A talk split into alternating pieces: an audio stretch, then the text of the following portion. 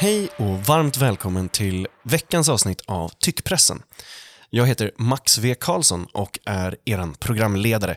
Tyckpressen är Dagens ETCs ledarpodd där vi tillsammans med inbjudna gäster pratar om vad som är rätt och riktigt, ehm, bra och dåligt, eh, kul och tråkigt, men framför allt kanske vad som är bra och dålig politik. Ehm, med mig har jag också Katarina. Hej hej. Eh, det är ju mer, ännu mer co-host nu, du ska ju vara med i alla avsnitten också. Eh, men du är ju praktikant på Dagens ETC. Exakt. Mm. Och idag har varit med och researchat det här avsnittet också. Mm. Um, och våra gäster den här veckan, då har vi Kajsa Söderström, byggnadsingenjör. Varmt välkommen. Tackar, tackar. Och Kalle Lindström, en till Ström, eh, student i inredningsarkitektur och möbeldesign. Hallå, hallå. Varmt välkomna till Tyckpressen. Um, jag har döpt det här avsnittet till Mitt hem är min korrekt planerade medeltida borg. Uh, och uh, vi ska prata om uh, arkitektur som en del av det politiska tilltagande kulturkriget. Ehm, och eh, egentligen allt som hör till det här. Men innan vi börjar så har jag en liten minifråga. Har ni något särskilt hathus? En bubyggnad, fulfastighet eller knäkkvart? Har ni något hus ni hatar innerligt och varför? Vill, eh, vill du börja Kajsa? Eh, jag hatar ju Södra stationsområdet, Ah. Stockholm, särskilt på Filsbåge. Det är alltid värsta med postmodernismen samlat på en plats. Det Vad är det som är dåligt? Det är illa planerade lägenheter, det är billiga material Mm. och det är en död, yt död yta i staden. Mm. Det ger liksom ingenting tillbaka. Det tar mycket plats, men det händer liksom inte så mycket. Det är inte särskilt mycket stad.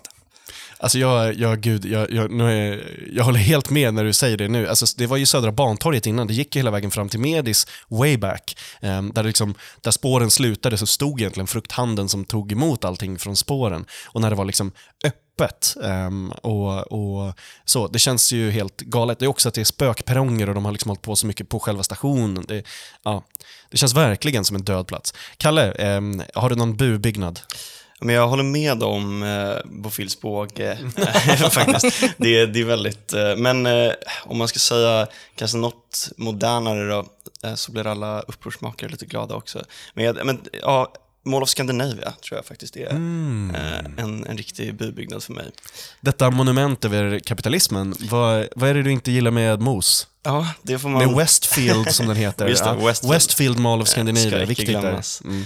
Eh, jo, men jag tänker att det finns en, kanske en syn på skönhet som eh, är ganska vanlig idag, som kanske återspeglas i hur man har byggt Mall of Scandinavia. Att det ses som det lilla extra, något man bara liksom kanske plussar på fasaden. Mm. Och eh, så tycker jag att det är ganska så, ja, det kan ha att göra med en personlig liksom, aversion mot gallerier generellt, men jag tycker, jag känner mig liksom ovanligt eh, förvirrad där inne.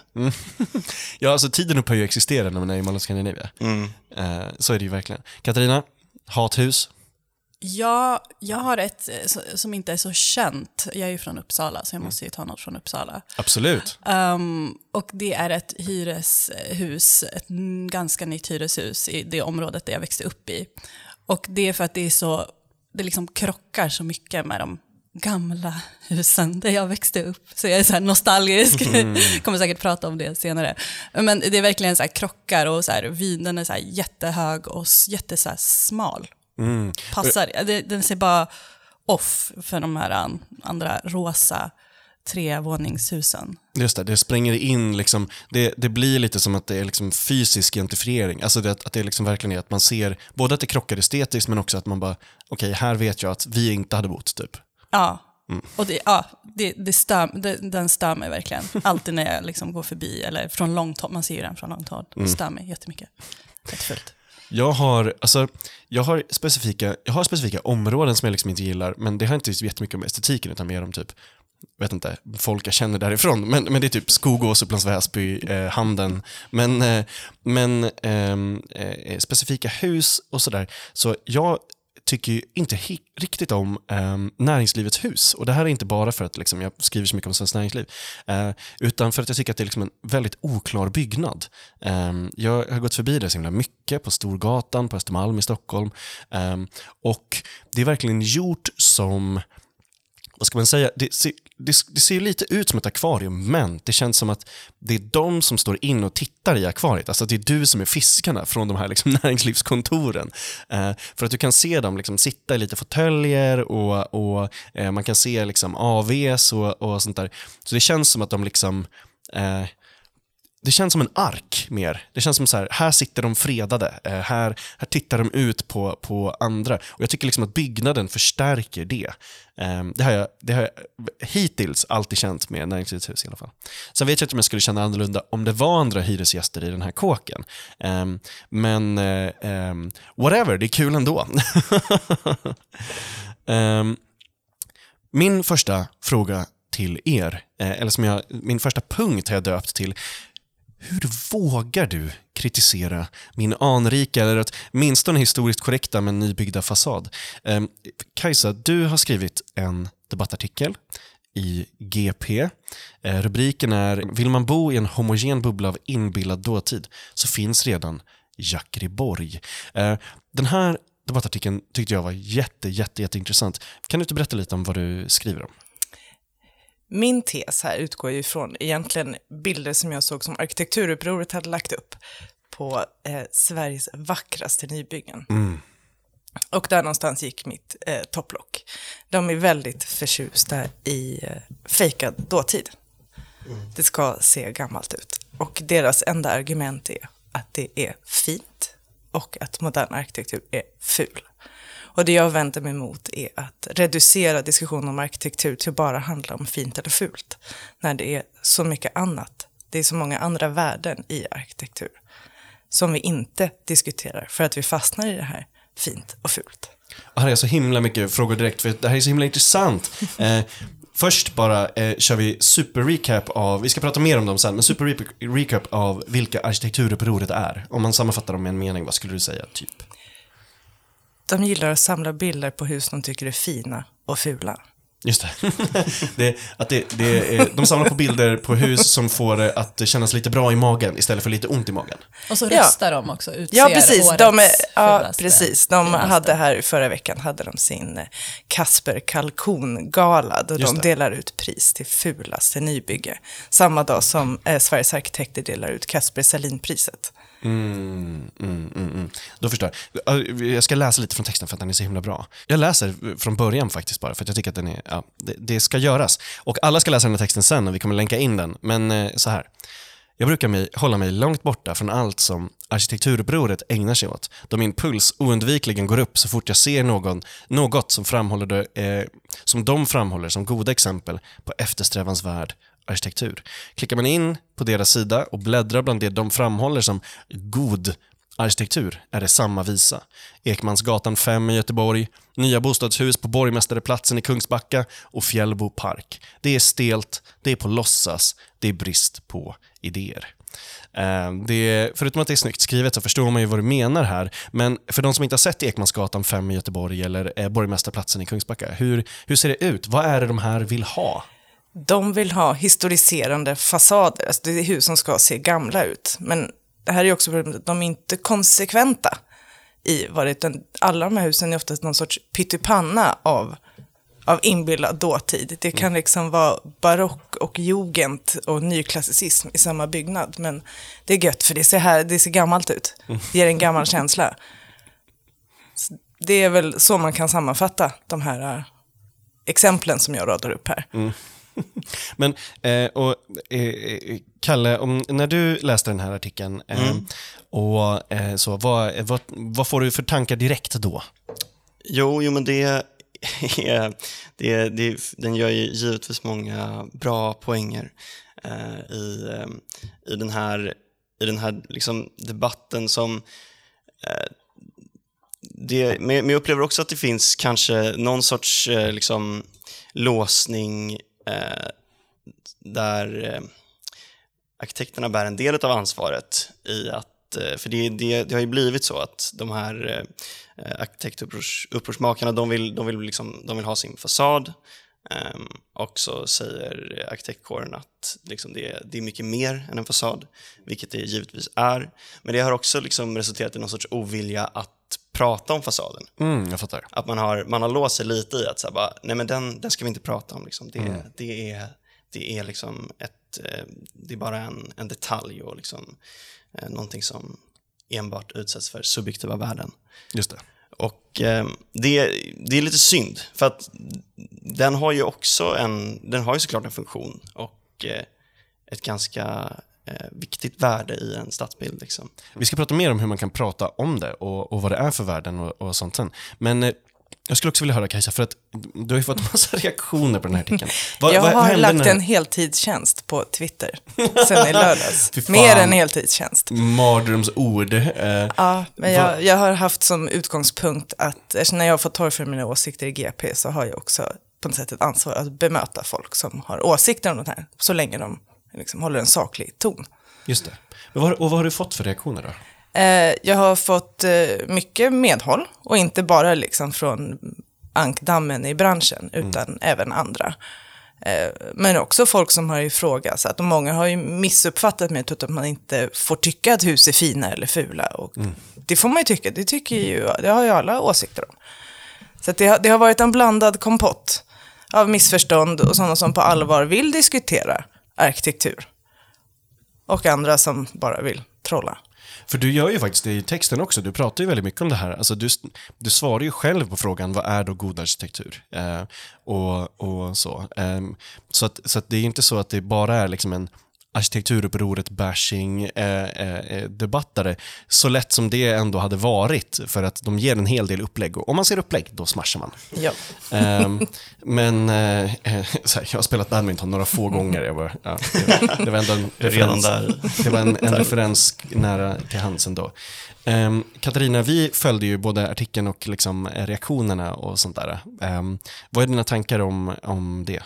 Ja, men jag läste, eller försökte läsa mm. Twitter, liksom, konversationer och, som du fick. Och det var ju, som du säger, väldigt blandat. Eh, och chockande, fast ändå inte chockerande, att du fick så liksom, personliga påhopp. Alltså om ditt utseende. Ja, det var väldigt... Det var väl det värsta. Ja, det var jättemärkligt. Men som jag skrev någon tweet om var just att det är inte så konstigt att folk som är fixerade vid husens yta också är fixerade vid människors yta. Att det kändes som att det hängde ihop. Det är en väldigt bra poäng. Det är en väldigt bra poäng. Eh, men också det där att, alltså för, när någon känner så himla starkt för någonting som den här gruppen gör, alltså de, de lägger väldigt mycket tid på det här, de, de känner väldigt starkt för det, då kan det ju lätt bli så att man uppfattar kritik mot det man gillar nästan som personlig kritik. Och de här verkar ju liksom personligen arga på att du framför en annan åsikt i det här. På att du säger liksom att, eh, eh, ja, att du vill mer. Att du, du, inte vill ha en liksom bara fint och fult... Ja, de kallar mig för smakpolis. Just det, exakt. När det är som de ska, deras hela gimmick är att de är smakpoliser. exakt, jag skulle säga det. Är det inte det de håller det är, det, det är deras grej, men nu var jag som var smakpolisen och jag vill inte låta dem tycka att vackert är vackert. Mm. Nej, men också, eh, de har ju rätt liksom att de, de är en frihetsrörelse och du är 1985, eh, liksom stora staten här. Eh, en enskild debattör i, på debattsidor. Eh, det är du som sitter på all makt faktiskt. Ja, ja. ja. Jag bestämmer allt om alla hus ska ja. se ut. Och framförallt vad de här föreningarna ska tycka. Um, Nej, men, och jag tyckte det var jätteintressant och, och um, det har varit liksom reaktioner och, och sånt.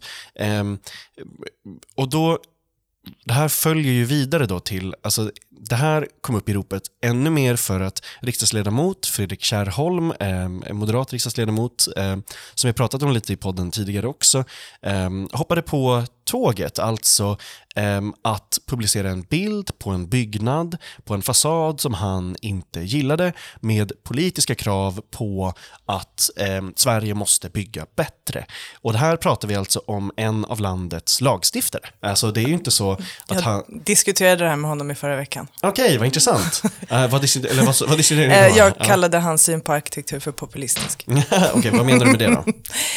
är att det känns som eh, regelrätt röstfiske detta, att eh, försöka fånga upp de här rösterna från arkitekturupproret. Mm. För är de särskilt politiska? För eh, det här är min andra fråga. Liksom. När blev arkitektur politik? Alltså för att man har pratat om det här eh, länge, eh, eh, och, men, men det är ju de senaste åren som det här har tilltagit och som arkitekturupproret har tilltagit och eh, som politiker, eh, mycket från konservativt håll och sådär, men har liksom eh, puttat sig själva in i det. Eh, när, vad är det som har hänt här? Ni som är liksom i, i smeten, eh, alltså upplever ni att det också har blivit mer politiserat? Jag ser ju eh, arkitekturupproret, arkitektur, arkitekturupprorets väldigt reaktionära syn på Mm. arkitektur som bara en förlängning av de andra reaktionära politiska strömningarna i samhället. Att det här är bara ytterligare en del. Mm. Att vi ska tillbaks till det gamla goda Sverige, det trygga Sverige som man känner igen. Det Mm. handlar kanske inte alltid så mycket om egentligen själva arkitekturen, utan att det ska vara tryggt och bekant. Just det, det är samtidigt så, alltså så här, eh, eh, på den tiden när eh, eh, alla hade tradwives. Eh, eh, Kvinnor det, var kvinnor och män var män. Exakt, exakt. Eh, ehm, Var bättre för. Exakt. Eh, så här, eh, bögar blev lynchade eh, och det fanns inga vänsterhänta. Det är liksom den tiden ungefär. Ja. Ungefär. Kalle, vad säger du? Ja, men jag tänker också att det, alltså för det, det är intressant ändå på något vis att du kallas för smakpolis. För att det, det handlar väl kanske någonstans om det också, att eh, det här eh, ja, men, då folkliga missnöjet över att eh, det finns någon sorts kanske liksom, kulturpanasch som avgör vad som är fint och fult och som liksom ger priser till varandra och det avfärdas då kanske som liksom komplext eller svårbegripligt. Och då, då, då, då tänker jag att det, det, det blir på något sätt en kritik mot liksom smakbegreppet att eh, börja göra så här och att börja liksom själva ehm, bilda sin uppfattning av liksom, om det här, vi tycker att det här är fint. Liksom. Mm, jo, jag kan absolut förstå att man upplever det som att det kan vara ganska elitistiskt. Mm. Det har jag eh, full förståelse för.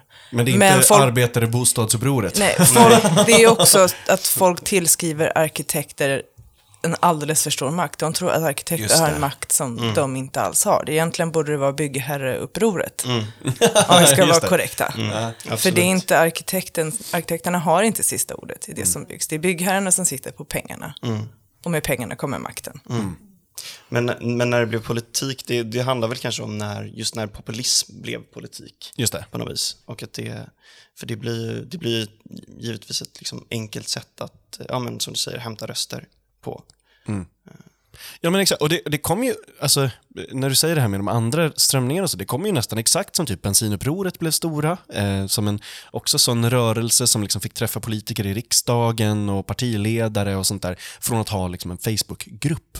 Eh, men jag, eh, jag hittade en rolig grej här som jag måste ehm, eh, berätta för er och så får ni ehm, reagera på det här också, för att jag frågade liksom om så här, ehm, har man alltid haft de här diskussionerna och sånt där och, och så, och då hittade jag att det, var, det fanns en debatt på Kungliga akademin för ar- arkitektur i Frankrike eh, år 1670 fram till 1680 när den första eh, då, chefen för det här eh, Kungliga akademin, François Blondel, eh, skrev en, eh, en sammanfattning som heter The Arkitektur, Nu säger jag kan inte franska så att eh, eh, je ne sais pas om uttal. Men, eh, men då så skrev han, eh, eh eller han eh, hade tre principer för hur arkitekturen skulle vara.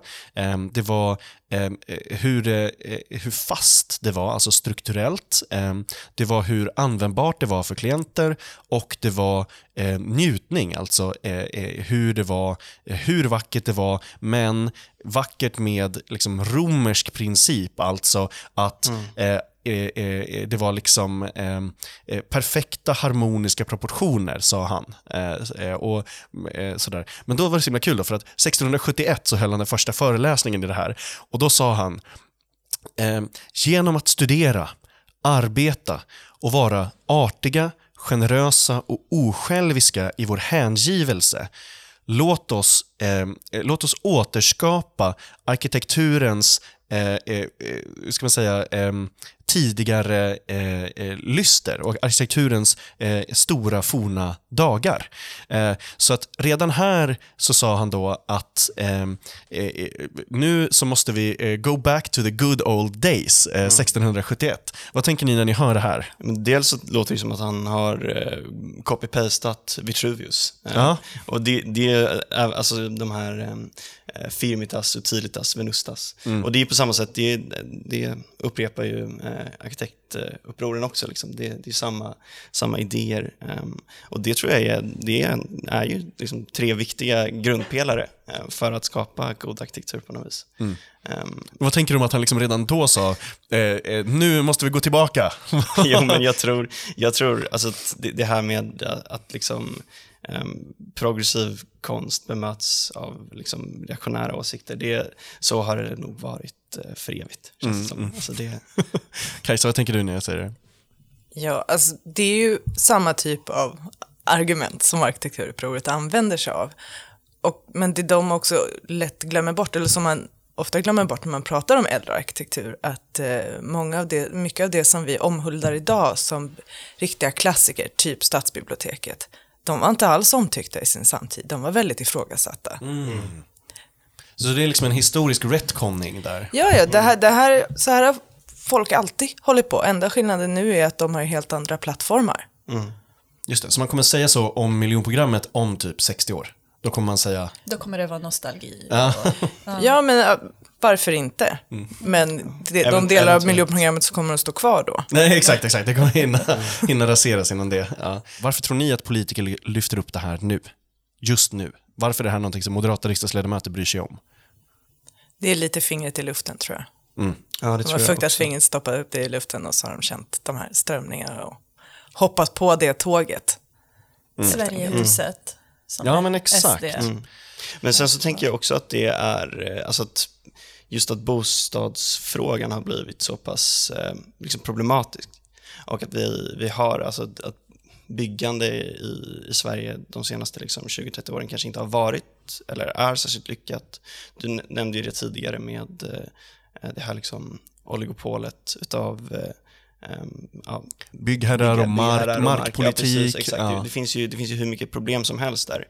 Och eh, då, då, då det, att någonting görs kanske ändå liksom är bra. Det är bra Mm. att det blir en diskussion. Fast jag tänker att de duckar själva bostadspolitikfrågan genom att prata yta istället. För då slipper man ta tag i de komplexa frågorna som bostadspolitiken ändå är. Utan då fastnar vi och pratar om fint och fult istället. Absolut. För det är, det är mycket lättare och det är lättare att få med folk på det. Det är lättare att få folk komma med högafflarna. Mm. Ja, definitivt. Alltså, jag- om man, man hade kunnat tänka att man hade kunnat använda det som en eventuell språngbräda Precis. till ett eh, seriösare samtal. om Lite som vi gör nu.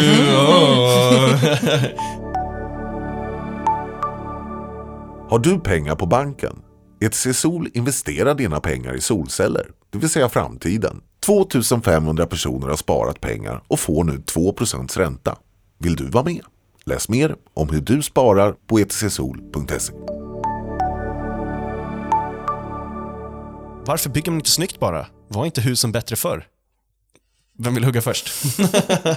Husen förr var väldigt fina. Det är inte så att jag vill komma och riva några hus.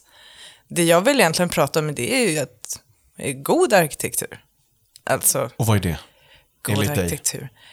Det är en god arkitektur tillför nya värden till stadsrummet. Den är funktionell. Den är till för de som ska nyttja den. Men också att kontakten mellan gatan och byggnaden är väldigt viktig. Och skalan framförallt. Och skala kan man prata ganska mycket om, för byggherrar idag vill inte bygga så mycket i liten skala. För då får man inte tillbaka så mycket pengar på sin investering. Just det, och där krockar då kanske marknaden med det som skulle kunna vara god arkitektur. Precis. Att man blir liksom begränsad eller då puttad åt ett visst håll i det där. Ja, för att som det är idag kan man till och med få kriga med byggherren för att få göra, för att få göra konstruktionsritningar. Och att då tro att de är villiga att betala för som jag skrivit, ornamenterade fasader eller arkader. Det är ju utopiskt. Sådana Ofta, sten-gargoyles. Ja, precis. De vill ju, många, obs, inte alla byggherrar, mm. vill bygga... det, är, det, är, första gången vi har den brasklaffen i den här podden, tror jag i alla fall. Jag tror det. Inte alla de, de bygger oftast inte lång, för långsiktigt ägande och förvaltning, utan de vill bygga snabbt och sen sälja det vidare. Mm. Och då förhandlar de bort gedigna material, välgenomarbetade lösningar och så. Mm. Och det är väldigt tråkigt. För det är också det som är god arkitektur och som jag tänker att folk kanske skulle uppfatta den moderna arkitekturen som lite mer mänsklig och lite mer ja, men, taktil är om man skulle våga satsa på gedigna material. Men nu står vi där mm. istället med fasadskivor som lossnar. det är jätteintressant. Ehm, eh, får så mycket tankar, men Kalle, vad tänker du om, om eh, god arkitektur? Vad, vad, vad, vad tycker du är god arkitektur?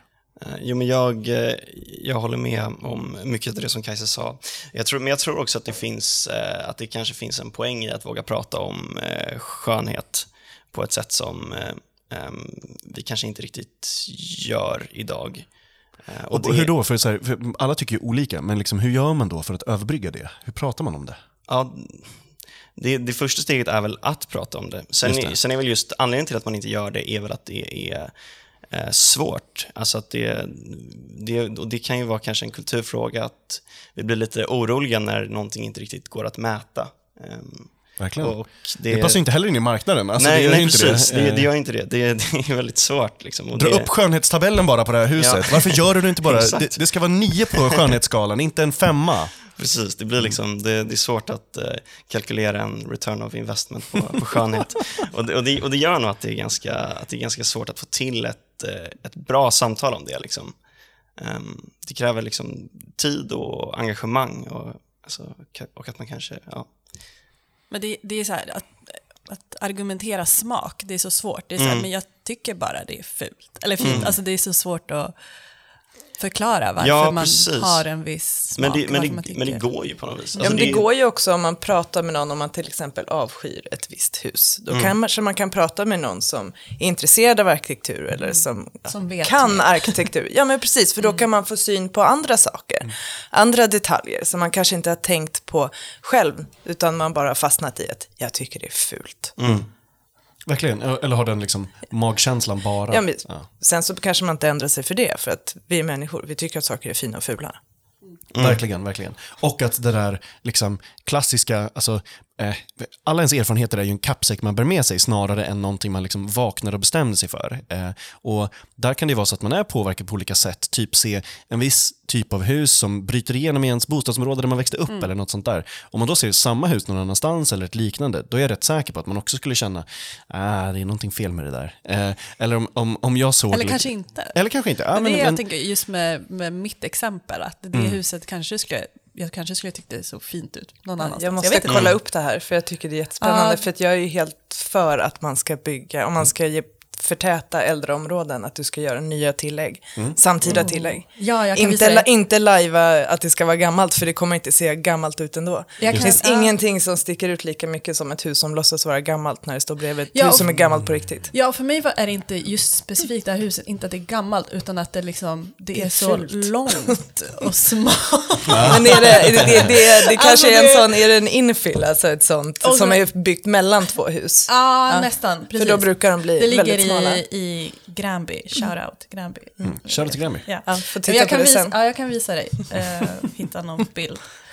Um, ja men exakt, så Kalle, din, lite av din poäng är väl det här med att det liksom är eh, eh, det finns massor av värden och det estetiska är ett av dem. Mm. Eh, men det som vissa gör gällande då är väl att det kanske är liksom det överlägsna eller något sånt, eller att det är det som ska avgöra andra värden. Och det känns, men det känns också lite så, alltså för att den grejen blir också lite Eh, eh, jag, jag, tycker att det finns en lite intressant politisk dimension i det just från arkitekturupproret på så sätt att den är ju egentligen också lite marknadsfientlig. Alltså, om man skulle vilja bygga exakt som de gjorde, så är ju inte det det som marknaden idag och byggherrarna idag säger, det här är det vi kan och har råd att bygga.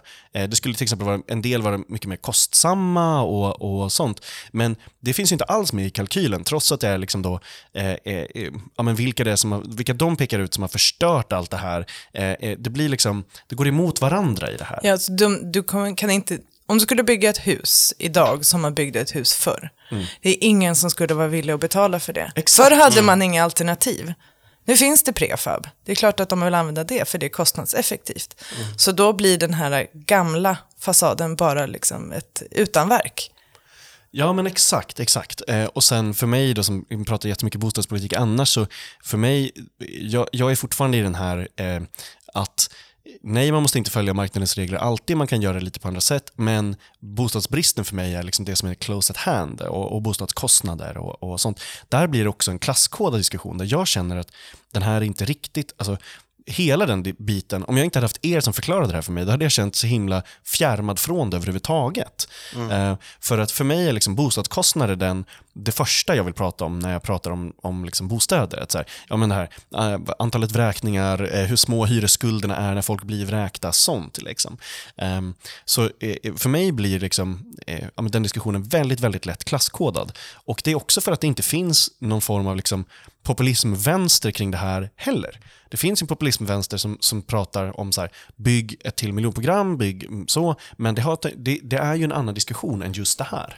Och det är ju lite ett klassförakt att tycka att folk med mindre pengar ska bo i sämre bostäder. Absolut. För att jag har ju, nu ritar inte jag särskilt mycket bostäder, utan jag jobbar mycket med fastighetsutveckling. Men jag har ju fått släppa iväg bostadsprojekt där byggherren har förhandlat ner in i väggarna till att det bara ska vara enkelgips till exempel. Det känns inget kul att släppa iväg sånt, men man måste, ibland måste man bara lyda byggherren och så det är inte förhandlingsbart. Och då är, det känns lite orättvist att de som har sämre med pengar ska bo i sämre byggda bostäder. Och det är inte som att nyproduktion är billigt att bo i heller. Nej, nej, nej, verkligen inte. Eh, eh, det är ju redan massa problem med, med det. Och där, har man, så här, men, och där är också en sån grej, där visar ju så här, eh, både Fastighetsägarföreningen som företräder privata fastighetsägare och Hyresgästföreningen säger ju att där har markutvecklingen och markpolitiken och markpriserna en mycket större påverkan än vad man pratar om. Varför finns det inget markuppror? Ja, det, borde, det skulle vara relevant eftersom att du idag kan sitta på en markanvisning väldigt, väldigt länge utan att bygga på den. Utan du sitter och tjuvhåller på marken tills det är ett bra läge att bygga när du kan få ut så mycket pengar för det som möjligt. Ja men exakt. Kallar Ett varför- markuppror, byggherreuppror. Ja, I'm men- for it. Verkligen, verkligen. Kalle, varför finns det ingen markuppror? Ja, du, det, det handlar väl om eh, byggandets eh, ja, komplexa natur då. Att det, är, att det är så enkelt att reducera det till eh, en fasad. Det gör sig bättre för populism kanske. Och så får, Det- arkitekt, så får arkitekterna stå där och möta folket med högafflarna och facklarna. Mm. Det är ju, ja, det, diskussionen om fasader, det, det är lite av en fasad. Ehm, eh, eh, för att prata om lite politik med det här då. Eh, Sverigedemokraterna har föreslagit Sverigehuset. Har ni koll på det? Eh, de här- nej, det har jag. Jag Det har faktiskt gått på under det radarn. igår. Ja. Jag blev lite nyfiken. Vad säger du om Sverigehuset? Eh, jo, men det är väl lite trist. Det, alltså det, det var lite... Det, det, det känns ju väldigt mycket som en fasad eh, också. Jag, jag, jag kollade på det, det var ett ganska, en ganska lång pdf med liksom, eh, ja, en inledande bild på ett ja, rött hus med vita knutar. Det såg väldigt eh, klassiskt ut. Åh herre, Jag får live-reaktioner från Kajsa. Och det, värsta jag sett. Ja, och det, det kanske inte... Alltså, jag menar, det, det hade kunnat vara ett fint hus. Det, det behöver inte vara, alltså, det behöver inte vara liksom tråkigt direkt för att det är konservativt. Ehm, men det, det var lite intressant, för längst ner i det där dokumentet så fanns det liksom en, en liten idé om hur de ville ha det. Då, då var det liksom en, en gata eh, med eh, ja, men, 12, 14, 16 stycken identiska sådana Sverigehus placerade bredvid varandra. Som någon sorts eh, liksom, idé om en framtid. Och det, det, är ju, det är ju intressant just för att många, många kritiserar ju eh, modernismens byggande just eh, till följd av dess monotonitet. Liksom. Och eh, jag har svårt att se hur det där inte skulle bli monotont på något vis. Det, det ser ju ut som... Men det är monotoni med snickarglädje. Ja. Och, och det, är, det är rätt monotonitet. Alltså det är det, det är rätt. Men det lustiga med det här är att det finns det redan jag kommer få en stroke. Det finns ju redan den här typen av hus i Ja. form av kataloghus. Vill du ha bygga ett sånt där hus på din tomt, gör det. Men att ha det som ett byggnadsprogram känns ju inte alls eh, givande. Det känns som ett väldigt typiskt sverigedemokratiskt förslag. Ja, de lägger ju upp det som att det här ska lösa typ på bostadsbristen också. Att det ska förenkla och Inte folk bara- ska kunna ja. äga och det är billigare och så vidare. Och inte bara det, det är liksom också en... Det är liksom en, Ja, de en, tänker ny egna hemsrörelse. Ja, men nästan. Men, men också att det är en magisk rörelse, för det ska dessutom lösa brottslighet och otrygghet. Eh, Oj. ja, eh, vips. Ett kin, vilket Kinderägg. Eller verkligen. Så, det, jag, menar, jag tycker det låter jättebra. Eh, och, och det är vissa brasklappar i de här dokumenten som, eh, de säger till exempel, det är fundamentalt viktigt för alla i vårt samhälle att vara trygga i sina egna hem och bostadsområden. Ja, ja. Alltså Bara en det sån sak. Eller hur? Eh, jag, jag håller med om att det är fundamentalt viktigt. Ehm, och sen säger de då, det ska vara enklare att bygga hus i hela Sverige eftersom att efterfrågan är så hög. Och jag gillade den eftersom att efterfrågan är så hög, brasklappen. Alltså den behövs väl inte? Eller liksom, ja, det, ja, Ja, det vi är har en brist. bostadsbrist. Ja, men man löser inte det med massa eh, småhus. Massa villor. Småskalighet i nyproduktionen. Eh, förvisso så glömmer man ju ofta bort att i miljonprogrammet så var det mest småhus som Mm. byggdes. Så var det. Så att det här är väl någon sorts återkoppling till det. Mm. Förutom att man då byggde enligt den tidens rationella ideal. Mm. Men ja, det där var så gräsligt. Mm. Om vi Eh. nu ska prata estetik. Ja, ja, ja, och det som sagt, det får man, det får man. Ehm, vi, innan vi avslutar för idag så jag ska, eh, jag läste, eh, det finns en amerikansk, ett amerikanskt magasin som heter The Baffler som jag har tipsat om jättemånga gånger eh, i den här podden, som är väldigt, väldigt bra. Det är typ det bästa, mest skarpa eh, rubrik, eh, rubrikerna som jag vet och så liksom en ja, eh, kulturmagasin från USA.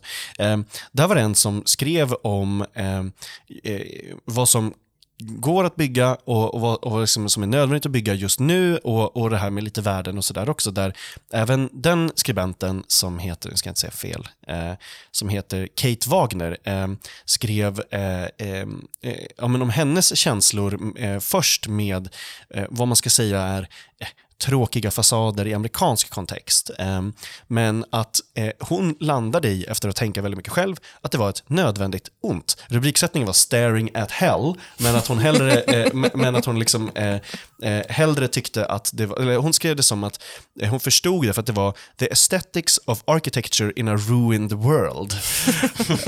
och, det, och det kanske var lite nepotistiskt så, eller liksom, eller vad säger jag, inte nepotistiskt, nihilistiskt menar jag. Alltså så här, det är lite domedagsgrejen. Men jag förstår lite. Eh, och nödvändigt ont hade jag bara tyckt att det var fräscht om någon ville säga till typ arkitekturupproret, så här, säga att någon köpte allt det de säger. Men att man säger, men ju- just nu med marknaden, med hur allting är där, så är det här ett nödvändigt ont. För de, vad ska man svara på det? Ja, ja jo, det, absolut. Sen kanske man kan eh, tänka att eh, ehm, arkitekter har mm, ett ansvar att vara något visionära. ah, Och det är vi alltid från i programskisserna. Ja, Det brukar, brukar bantas bort tills det är en fingertuta kvar. Det skulle vara så liksom. intressant att se första skissen. Ja, för det, sen- är ju, det Mm. går ju från att man gör en, eh, en, liksom en skiss och sen så gör man något som kallas för en programhandling och den brukar man, där brukar man trycka in allt som man vill in för man vet att det kommer att bantas bort i de senare skedena. Så, Så att det är liksom man bara, efter- man öser på för att då kanske det åtminstone finns någonting av den ursprungliga visionen Mm. kvar i det som sedan byggs. Får jag fråga en sak? Ja. Det är klart du Har får din du- podd, du Får bestämmer. jag fråga innan tiden är slut? Eh, har du någon byggnad som du känner så här, det här som du har varit med och ritat, som bara, jag kan inte stå för det här, hur det blev? Ja, det, eller in, Du behöver inte... inte outa Nej, kunder. eller exakt, inte men- säga Eh, det, är du lite svårt eftersom att det är ett huvudkontor för ett, ett stort telefonföretag. eh, för det var nämligen så att vi satt i oändliga möten med kunden och kom till slut fram till en jättefin eh, smäcker fasad faktiskt i, så här, som var roséguldsskimrande. Nämen. Jättefin.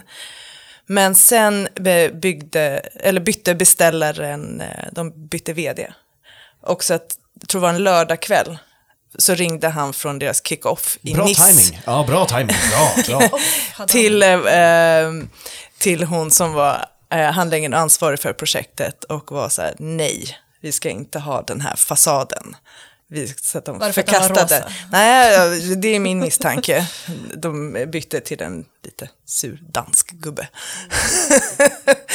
Men då, fick, då fick, var vi tvungna att göra ett omtag på fasaden som eh, sen blev väldigt mycket mer eh, generisk än vad den hade behövt bli. Den hade varit mycket häftigare annars. Han kallade vår fasad för ett påhängt utan verk. Men istället så blev det fasadkassetter av Aluko Bond i grått. Ah. Aluko Bond är ett ord jag aldrig hört, men vill höra oftare, kände jag. jag bara, jag Men själva det. invändigt är det superfint faktiskt. Och det är, det är inget fel på själva huset heller ska jag väl säga. Men jag hade föredragit vår ursprungliga fasad. Det blev bra till slut ändå. Men eh, så att jag, jag kan stå för den. Men eh, det är att jag, jag blir lite irriterad varje gång jag ser det där huset när jag tänker på hur det skulle kunna vara. Hur det hade kunnat vara. Ja. Och jag blir irriterad på bostadspolitiken när man tänker på hur det hade kunnat vara. Um, våran tid är slut. Eh, jag har eh, hållit er så himla länge här. Eh, vi brukar alltid avsluta tyckpressen med att våra gäster får tipsa våra lyssnare om precis vad som helst. Det kan vara ett lästips, det kan vara vidare läsning, det kan vara att- vart man kan hitta er någonstans eller whatever. ehm, eh, eller någon, någon restaurang eller någonting. Precis vad som helst. Ehm, Katarina, vad vill du tipsa tyckpressens lyssnare om den här veckan? Eh, på fredag så spel DJR två vänner till mig eh, på Bar Brooklyn. Brooklyn. Eh, Backyard någonting heter klubben. Ja, ja, ja. Men det är i alla fall på Bar Brooklyn. Eh, och det är typ R&B, hiphop och bra dansmusik. Bra tips. Yes. Eh, lyssnarna får ju det här imorgon på torsdag, så de hinner ju fortfarande ta sig dit. Ehm, Kalle, har du någonting du vill tipsa tyckpressens lyssnare om? Jag, kanske, jag, men, jag, jag kan tipsa om att eh, besöka eh, Bofilsbåge. Mm. Och för att eh, kanske titta lite noggrannare på fasaden, kolla vilka fönster som faktiskt är fönster och eh, skapa sig en egen uppfattning om platsen. Mm, mm, mm. Mycket bra tips. Kajsa, vad har du för tips? Jag vill tipsa om Bayerns damers hemmapremiär på Ja! söndag. Gud, på ja! Tele2 Arena, eller Nya Söderstadion som vi Bayer brukar kalla den. Mycket Kom dit, bra. det blir kul. Bayerns damer förtjänar all kärlek. Mycket bra. Nu, är- nu är, jag, jag tror inte att jag eh, tydligt sagt till tyckpressens lyssnare att jag eh, också är hammarbyare såklart. Eh, Klart men, eh, så eh, eh, Forza Bayern var ett väldigt bra tips. Jag säger precis samma tips. Eh, och tyckpressen är tillbaka redan nästa vecka. Om ni har något inspel eller synpunkter eller eh, tyckte att det här avsnittet var toppen eller urkass så får ni gärna mejla mig. Tills dess får ni ha det jättebra. Hej då! Hej då! Hej då! Visste du att 90% av medierna i Sverige är borgerliga? Samtidigt har extremhögern byggt upp en hel pamflett av propagandasidor. Dagens ETC är dagstidningen som ger hopp och ryggrad att stå emot den blåbruna sörjan. Sveriges enda röda dagstidning för en grönare värld. Testa att prenumerera idag på etc.se.